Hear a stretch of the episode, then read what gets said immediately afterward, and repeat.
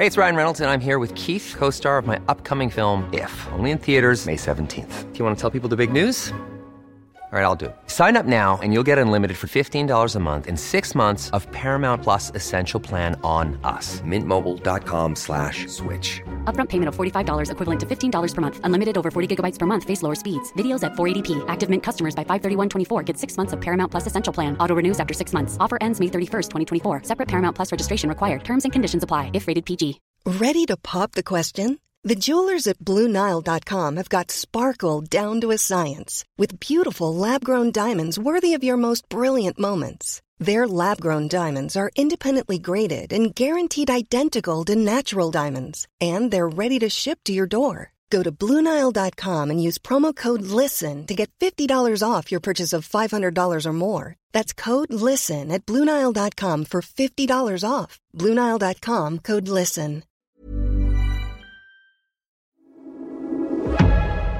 Du lyssnar på GVS ljudböcker.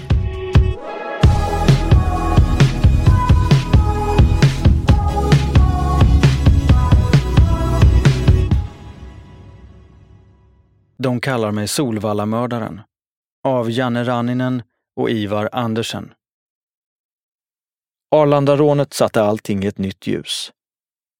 När pengarna kom från äckelutpressning av oskyldiga lutade jag åt att stanna i Finland och börja om på nytt. Men nu när någon i vårt gäng gjort så mycket pengar började jag tänka på att flytta tillbaka när det var dags för muck. Planen var att jag skulle sitta som krogchef på pizzeria Leila. Jag skulle få ett schysst jobb, en bil och en lägenhet. Allt det jag hade velat ha från början. Och jag skulle vara nära mamma och Kalle. Fan vad skönt, tänkte jag. Allt ser ut att lösa sig ändå. Tillsammans med Volkans lillebror Kenan åkte jag runt och kollade på lägenheter. Det fanns en fin på Essingeöarna som Volkan ville att jag skulle titta på. Den där är ledig, sa Kenan och pekade upp från gatan. Den funkar inte, sa jag. Varför inte? Den ligger på andra våningen, någon kan kasta in en handgranat. Jag måste bo högre upp. Tanken var att vi skulle leta vidare, men så kom Volkan på att han kunde ta lägenheten på Essingeöarna och att jag skulle få hans gamla på Hornsgatan 71. Det kändes som en lösning som gynnade Volkan mer än mig, men jag hade ingen lust att verka girig. Nu återstod bara bilen. Vad vill du ha för bil när du muckar? Räcker det med en Saab 95? Ny såklart. Det räcker bra, sa jag. Allting skulle lösa sig. Skiten som varit skulle vi begrava. Det var nu det goda livet skulle börja.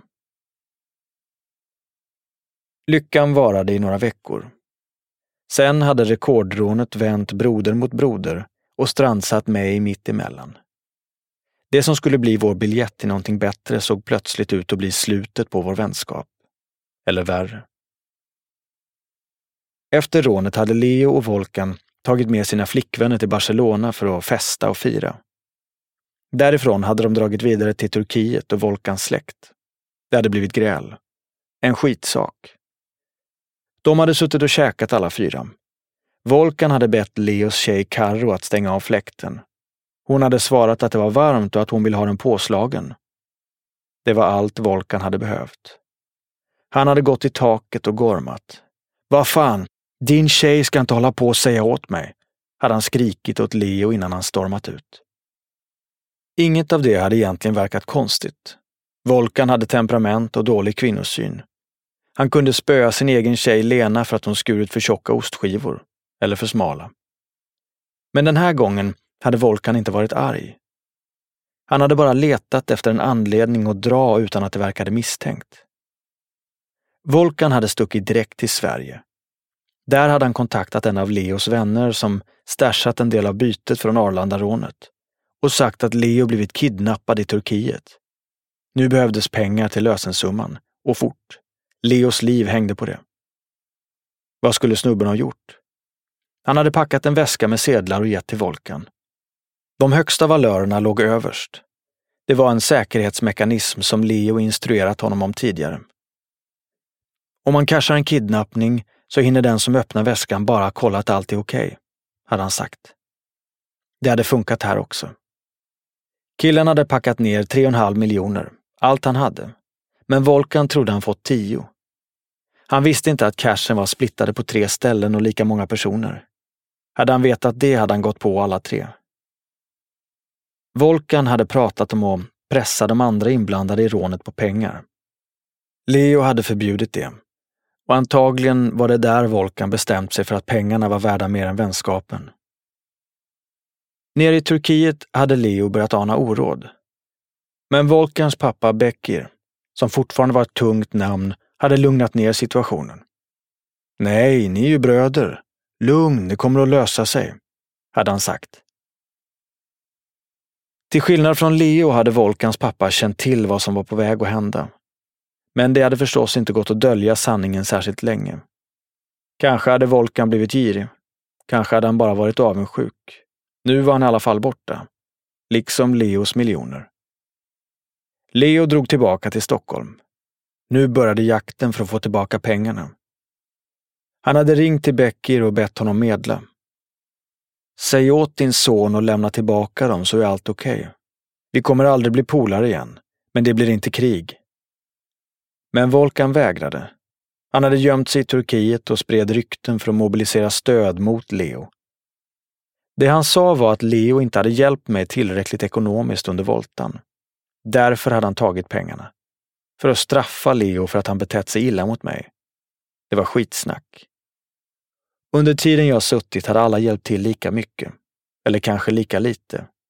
Men där och då hamnade jag ofrivilligt i centrum av härvan. Jag befann mig i mitten och alla ringde till mig när de ville hälsa något till den andra sidan. Leo och Chito ringde från Sverige. Volkan och hans pappa ringde från Turkiet. Jag kände mig som en jävla sambandscentral. Alla försökte förklara sin syn på saken för mig. Som att det behövdes. Jag tyckte självklart att det var fel att ta pengarna, men jag vill inte välja sida. Fuck it. Det är inte min konflikt, tänkte jag. Dessutom stod jag närmare Volkan. Chito hade jag känt sedan barnsben och Leo nästan lika länge. Men det var först på sista tiden vi börjat hänga mycket. Det var Volkan som tagit in mig i det gänget. Nu ville Volkan givetvis att jag skulle ta hans parti. Sitt av ditt straff och kom ner till Turkiet sen. Vi kommer leva bra här, sa han och påstod att han köpt lägenheter åt oss bägge där nere. Han har gjort fel och du kan inte sitta på två stolar. Du måste bestämma dig för vilken sida du står på, sa Leo och Chito. Jag dömde Volkan moraliskt, men jag ville inte bli indragen i gidret. Det förra gidret jag varit indragen i gav mig åtta år på kåken och jag hade inte ens muckat än. I några veckor hade jag fått leva i en otrolig lättnad över att vi äntligen nått fram till målet. Nu, några veckor senare, befann jag mig mitt i ett jävla krig. Min frigivning närmade sig. Det innebar frigång från anstalten och tillgång till telefon på dagarna, så jag hade ingen ursäkt att inte svara när det ringde. Alla fortsatte att höra av sig. Jag hade varit lojal mot Volkan. Alltid lojal. Fram tills att han snott Leos pengar. Nu kände jag avsmak. Alla försökte övertala mig om att prata förstånd med honom, så jag gjorde ett försök. Han vägrade lyssna. Jag tog tre och en halv miljoner. Jag ska ta resten också, skröt Volkan i telefon från Turkiet. Som att han var stolt över vad han gjort. Det var som att prata med en vägg. Vad jag än sa så fick jag till svar att han inte bara skulle behålla pengarna, utan också komma till Sverige och klippa alla. Volkan hade investerat pengarna han stulit. 250 000 dollar hade gått till en lägenhet i en skyskrapa i Istanbul. Sen hade han fyllt på lägenheten med inredning för 100 000 dollar till. Han hade sin del av pizzeria Leila i Jordbro och ytterligare en mille i ett bankfack. Men det räckte inte för honom. Han ville ha mer. Och han ville ha mig på sin sida. Fuck it, tänkte jag. Jag hoppar av. Jag släpper allt detta och stannar i Finland och lever på småpengar om det ska vara så. Frigången hade kommit vid precis rätt tillfälle. När glädjen över Arlandarånet hade förbytts i sorg och osäkerhet. Först hade jag tänkt stanna i Finland och göra bruk av mina kriminella kunskaper i Finland. Sen ägde rånet rum och jag bestämde mig för att flytta till Sverige och leva gott. Och sen förbyttes den triumfen i tragedi. Frigången erbjöd ett nytt alternativ. Jag pluggade till datanom och fick nya kompisar. Vanliga studerande, killar och tjejer som aldrig begått brott. Alla visste inte vem jag var, men de som visste verkade inte ha något problem med att ha en dömd mördare i klassen. Tre månader efter Arlandarånet skulle jag ha permis och berättade för mina nya kompisar att jag tänkte åka till Stockholm. Några av dem frågade om de fick följa med. Självklart, sa jag och såg fram emot att visa dem min hemstad. Det skulle bli ett roligt avbrott i allt elände. Men tyvärr hade jag berättat för Volkan om mina planer. Från sitt gömställe i Turkiet spred han ut rykten om att jag skulle komma till Stockholm med fyra turkiska torpeder. Det enda som stämde var att de var turkar. De var inga gangsters, de var pizzabagare. Vanliga knegare som jag lärt känna på en restaurang i Helsingfors. Men i Sverige var folk på helspänn. Jag märkte direkt att folk inte visste hur de skulle bete sig runt mig. Det var jobbigt att mina vänner inte litade på mig. Jävligt jobbigt. Jag ville ha deras tillit, men samtidigt förstod jag dem. Jag var ju närmare Volkan.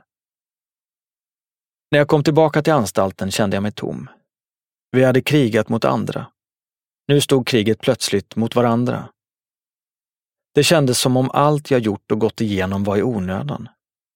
Varför satte jag mig själv och min familj i livsfara? tänkte jag. Varför har jag tagit livet av en annan människa? Är det här bokslutet? Jag hade sett en platsannons i fönstret på ett gatukök på Stora Robertsgatan i Helsingfors och tänkte gå dit och söka jobb. Det var det enda yrke jag behärskade. Jag hade ju grillat hamburgare i Jordbro på högstadiet. Mina närmaste vänner hade gjort rekordrån i Sverige och kommit över 44 miljoner och jag tänkte söka jobb i ett gatukök. Det fanns pengar i överflöd i bekantskapskretsen och jag sökte mig till ett låglöneyrke. Men jag var helt slut. Jag ville inte vara med längre. Volkan tyckte säkert att han varit smart när han blåst Leo på rånbytet. Men det han inte verkade ha tagit med i beräkningen var att ens vänner också är en säkerhet. Hemma i Stockholm fick hans lägenhet påhälsning. Besökarna tömde den på precis allt innehåll. Allt de lämnade kvar var en städhink. Fan Janne, de har tömt hela skiten, skrek Volkan i telefon. De tog pizzerian också och de tog pengarna jag hade stashat. Nu hade han gått plus minus noll. Plus att han förvandlat goda vänner till farliga fiender. Men Volkan hade en plan. Han skulle hämnas och han var beredd att korsa alla gränser för att göra det. Ett försäkringsbolag hade utfäst en belöning på 10 procent av bytet från Arlandarånet för tips som ledde till att pengarna hittades. Jag ska gå in till snuten och gola ner dem, sa han. De där 10 procenten är mina. Jag trodde knappt mina öron. Att stjäla från en vän borde ha varit otänkbart. Men det här var ändå en helt annan division av förräderi. Volkan, min broder, var en golbög. Svek allt vi trodde på. Den sista kärleken jag känt till honom förvandlades till förakt. Det här är fel, började jag säga. Nej, vadå? avbröt Volkan. Jag kände besvikelse när vi la på, men samtidigt också lättnad. Han hade varit min närmsta vän i det gänget, men han hade inte betett sig korrekt mot mig. Nu var det slut mellan oss två. Jag pratade fortfarande med Leo och Chito, men kontakten var nervös. Vi var vänner, men det fanns en viss reservation i förtroendet. Två veckor senare ringde Volkan. Han hade varit i Sverige. Polisen hade erbjudit honom skydd i utbyte mot information, men nu hade han bestämt sig för att hoppa av. Äh, jag kliver av den här vittnesskyddsskiten, sa han. Hans golning hade lett till att Chito och en annan kille häktats misstänkta för inblandning i rånet. Men något byte hittades aldrig och till slut gick de fria. Men du ser, Janne. Jag kan sätta in och ut dem i fängelse som jag vill, sa Volkan. Fortfarande hävdade han att han skulle klippa Leo och Chito. Han reste tillbaka till Turkiet för att sälja lägenheten och få pengar till att kriga i Sverige. Men synden straffar sig själv, som de säger. Eftersom Volkan inte var turkisk medborgare hade han skrivit lägenheten på sin morbror. Men morbrodern hade sålt lägenheten och tagit pengarna själv. Fuck you. Du har blåst folk i Sverige. Jag blåser dig här. Det hade blivit en våldsam konflikt i familjen. Volkan och hans bror Kenan hade nästan slagit ihjäl sin farsa. Jag förstod att det stod illa till. Kenan var en snäll kille som knappt hamnat i bråk i hela sitt liv. Om han blivit indragen måste hela familjerelationen vara i upplösningstillstånd. När Volkan ringde mig nästa gång lät han desperat. Jag har ingenting, Janne. Till och med pengarna har jag blivit blåst på. Jag kliver in i vittnesskyddsprogrammet igen. Snuten säger att jag inte får ha kontakt med dig, men jag hör av mig när jag kommer till Sverige. Volkan gjorde en kort paus i telefonluren. Och så åker vi och klipper Leo och Chito.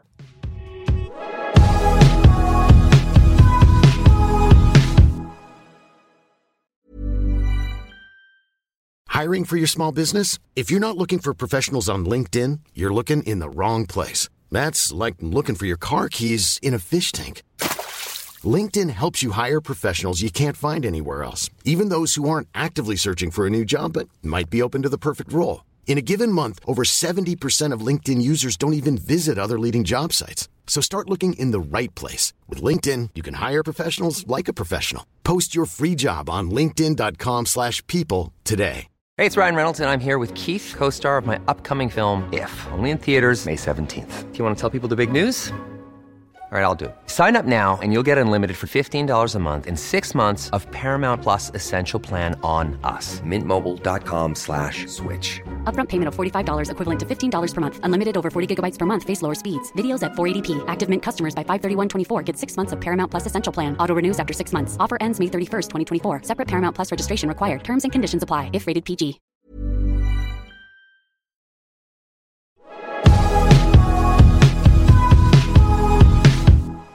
Varje söndag läste jag Helsingin Sanomat på kåken. Det var Finlands största dagstidning och söndagsupplagan hade en bilaga fylld av lägenhetsannonser. Två månader innan muck hittade jag en annons på en etta på 36 kvadrat på Kaptensgatan. En av de finaste gatorna i Helsingfors. Jag blev inbjuden att komma och kolla på den och tackade ja så fort jag klivit in över tröskeln. Jag tar den, sa jag och drog upp 1200 euro ur fickan till depositionen. Det var ju normalt för mig att sköta alla affärer i cash. Det slog mig inte att resten av samhället fungerade enligt en annan logik. Nej, nej, genom banken, sa kvinnan som hade lägenheten. Till slut gick hon med på att ta emot kontanter, men insisterade på att skriva ett kvitto åt mig. Det blev min första egna lägenhet. Innan dess hade jag bara bott hos mamma och suttit inlåst. Det är meningen att man ska ha sin första lägenhet när man är 18-19 år. Jag skulle snart fylla 26. Lägenheten hade ingen inredning alls och jag ägde inte ett öre. Men Leo gav mig 200 000 av rånbytet. Det var inte den miljon han hade lovat mig på fyllan, men det var lugnt. Jag kom igång bra på det. Misstron fanns fortfarande där. Mina band till Volkan gjorde att han inte vågade lita på mig till 100 procent. Men han hade visat att han stod vid sitt ord. Det var mer än vad Volkan hade gjort. Jag ville lägga en del av pengarna på inredning till lägenheten. Frigången innebar att jag gick i skolan från klockan 8 till 16 varje dag. Tiden räckte inte till allt jag ville göra och jag lyckades övertala anstalten om att ge mig längre skoldagar. Jag behövde tid till idrott och självstudier, sa jag till plitarna. Tre dagar i veckan gick jag till gymmet på förmiddagen och studerade på egen hand under eftermiddagen. Åtminstone var det vad jag skrev upp i min tidrapport. Så länge min klassföreståndare undertecknade den var anstalten nöjd. Dessutom var skolan svenskspråkig och plitarna som bara kunde finska drog sig för att ringa dit och fråga om jag fanns på plats. På så vis fick jag loss flera timmar om dagen och han inreda hela lägenheten under frigången. För första gången i mitt liv hade jag en egen bostad och lite pengar på fickan. Det var en riktigt bra känsla. Skolkamraterna hjälpte till. När jag inte kunde ta emot en leverans frågade jag några killar från klassen om de kunde tänka sig att ta mina nycklar och ta emot budet. Självklart, svarade de utan att tänka två gånger. En annan gång skulle jag köpa en TV. En tjej i klassen hade bil och erbjöd sig att skjutsa. Jag hade inte ens frågat henne. Du kan låna bilen när som helst. Det är bara att säga till, sa hon när vi var klara. Vad fan, ska hon låna ut bilen till någon hon inte ens känner ordentligt? undrade jag. Men hon såg ingen skäl att misstro mig eller tänka att jag skulle göra något dumt. Människorna jag lärde känna i skolan var sådana. De litade på varandra. Och på mig. Det var skönt att lära känna människor som inte var dömda för någonting. Här fanns inte den kriminella världens ständiga lojalitetskonflikter och hierarkier. Jag var inte överordnad någon och inte underordnad någon. Det var en befriande känsla. Vi fikade på kaféer och snackade om normala grejer. Sånt som inte hade med knark, rån och klippningar att göra. Oftast satt vi på ställen där det inte kostade så mycket. Fanns det en dyrare och en billigare kaffe så valde klasskamraterna den billigaste. Helt utan att skämmas för det. De var studenter och de flesta av dem hade inga pengar hemifrån. De behövde inte flasha. De behövde inga märkeskläder. För dem var det naturligt att vara ekonomiska. Men för mig var det en ögonöppnare. De byggde sitt självförtroende på annat än materiella tillgångar. De här grabbarna var med i skolrådet. De organiserade fester och fixade med soffor och grejer till elevutrymmena i skolan. Jag tyckte det var häftigt. De brydde sig om miljön och människorna runt sig. Samtidigt skämtade de rått med varandra, utan att någon tog illa upp. Hade man skämtat så på gatan där jag växte upp hade det tolkats som en kränkning. Hade någon sagt sådana saker till mig i Jordbro hade jag varit tvungen att göra något. Det var fett skönt att inte behöva göra något. Till slut kom dagen. Den 3 juni 2003. Fem år och fyra månader tidigare hade jag klippt Stockholms gangsterkung. Nu hade jag avtjänat straffet. Ingenting hade blivit som det skulle och jag kom inte ut till det liv jag hade blivit lovad. Men jag var åtminstone inte hemlös. Jag hade tak över huvudet och pengar till hyran. Ett knappt år hade gått sedan Arlandarånet. Och när jag muckade var folk fortfarande inte säkra på vilken sida jag stod på. Jag var den enda som kunde prata med bägge läger. Och en logisk följd av det blev att ingen litade helt på mig. Leo visste inte hur han skulle förhålla sig. Och Volkan var också paranoid. Han ville att jag skulle komma och hälsa på honom i Turkiet. Okej, okay, jag kan ta tåget dit, sa jag. Tåget, sa Volkan. Varför ska du ta tåget? Jag har suttit länge. Nu är jag äntligen ute. Jag vill se Europa. Det var sant. Men Volkan trodde att jag ville åka tåg istället för att flyga, så jag kunde smuggla med mig vapen för att klippa honom. Det slutade med att han avblåste hela resan. I Sverige var Arlandarånet det stora samtalsämnet. När snuten häktade massor av folk misstänkta för inblandning frågade Kalle om han någon gång träffat någon av dem. Jag skrattade och sa, en av dem erbjöd dig jobb när vi åt på Jägaren. Kalle höll på att tappa hakan. På en av permisarna hade jag i vanlig ordning suttit på Salims och Umits restaurang tillsammans med vänner och Kalle hade kommit förbi efter jobbet. Han arbetade inom bygg och hade blåstället på sig. En av snubbarna som senare blev häktad hade anslutit och käkat med oss. När han sett blåstället hade han frågat, kan du köra lastbil? Det finns jobb om du vill ha. Jag hade snabbt förklarat att Kalle inte var kriminell, för det var knappast något hederligt jobb det var frågan om. Leo var också lyst för Arlanda och hade flyttat till Spanien temporärt. Där var han dessutom i säkerhet ifall Volkan skulle få för sig något. Chito var däremot i Sverige. Han hade precis fått barn och var tvungen att vara hemma, men gick alltid runt i skottsäker väst och rörde sig inte utomhus utan två polare som livvakter. Egentligen stod Chito mig närmare än Leo. Ändå var det Chito som var mest orolig när vi hade kontakt. Leo planerade alltid flera steg i förväg och när han gick in i en situation hade han kontroll. Chito var inte lika försiktig när det kom till mig. Det handlade nog också om att han inte ville tro att jag skulle göra honom något. Chito kom över till Helsingfors med hustrun och bägge barnen efter att jag hade muckat. Innan resan hade han hört av sig och bett om ett nytaget porträtt på mig. Pappa sitter med en träsnidare.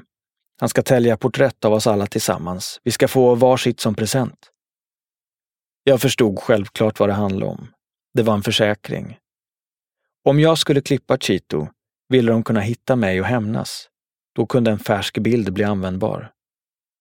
Efteråt berättade Chito att det var pappa Walter som hade oroat sig. och vi skrattade åt det ihop.